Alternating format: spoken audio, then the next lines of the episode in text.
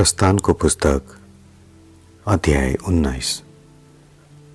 इजरायलीहरू मिश्रबाट निक्लेका तिन महिना भएपछि त्यही दिनमा तिनीहरू सिनैको उजाड स्थानमा आइपुगे।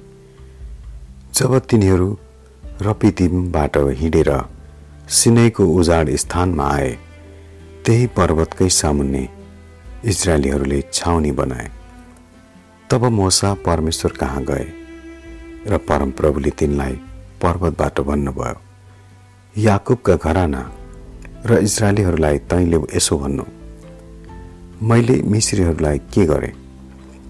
र तिमीहरूलाई कसरी गरुडका पखेटामा चाहिँ बोकेर म कहाँ ल्याएँ?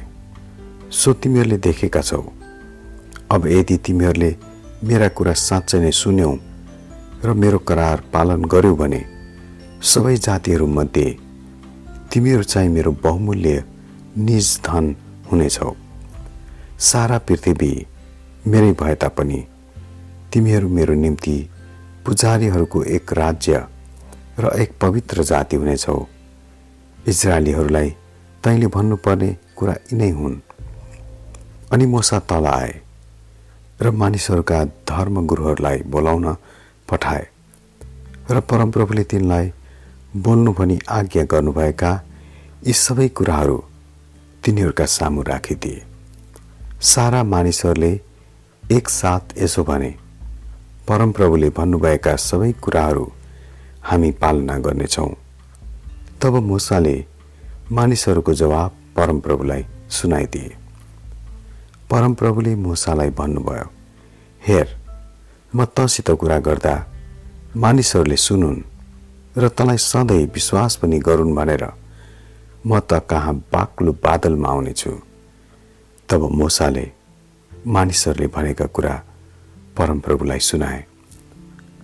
अनि परमप्रभुले मोसालाई भन्नुभयो मानिसहरू कहाँ गएर तिनीहरूलाई आज र भोलि शुद्ध कर तिनीहरूले आ आफ्नो लुगा धोन् र तेस्रो दिनको निम्ति तिनीहरू तयार हुन्।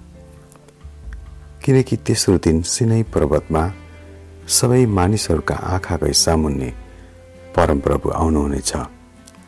तैँले चाहिँ मानिसहरूका निम्ति चारैतिर यसो भनेर बार लगाउनु। होसियार बस। तिमीहरू पर्वतमाथि नजानु र त्यसका सिमाना पनि नछुनु। जसले पर्वत छुन्छ त्यो निश्चय नै मरिहाल्नेछ। कसैले पनि त्यसलाई नछुनु। तर ढुङ्गाले वा काँडले हानेर त्यसलाई मार्नु। पशु होस् अथवा मानिस त्यो जीवित रहने छैन। तुरही लामो गरी बस्दा तिनीहरू पर्वतसम्म आउन्। मोसा पर्वतबाट तल मानिसहरू कहाँ उत्रेर आएपछि तिनले मानिसहरूलाई शुद्ध गरे र तिनीहरूले आफ्नो लुगा धोए। तब तिनले मानिसहरूलाई भने तेस्रो दिनको निम्ति तयार हो।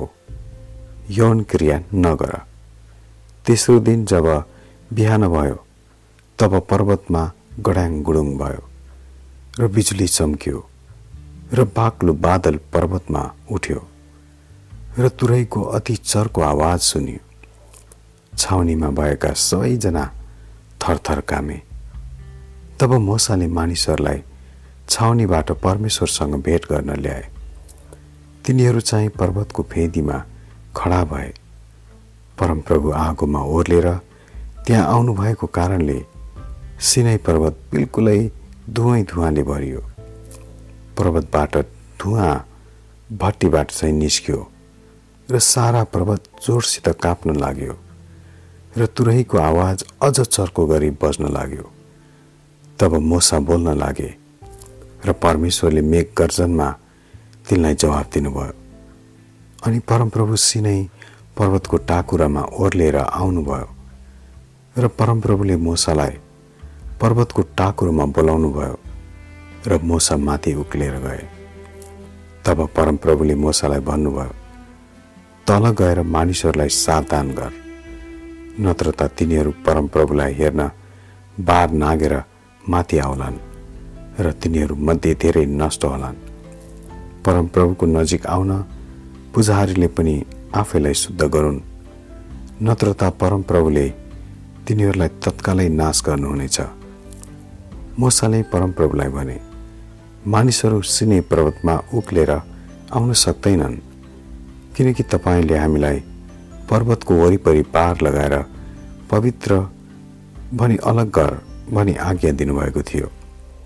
अनि परमप्रभुले तिनलाई भन्नुभयो जा त आफै तल जा। र हारुनको साथमा माथि उक्लेर आइज। तर पुजारीहरू र मानिसहरू चाहिँ परमप्रभुका बार नागेर उक्लि नआउन्। नत्र त उहाँले तिनीहरूलाई तत्कालै नाश गर्नुहुनेछ। यसैले मोसा तल मानिसहरू कहाँ ओर्लेर गए र तिनीहरूलाई यी कुरा बताइदिए। आमेन।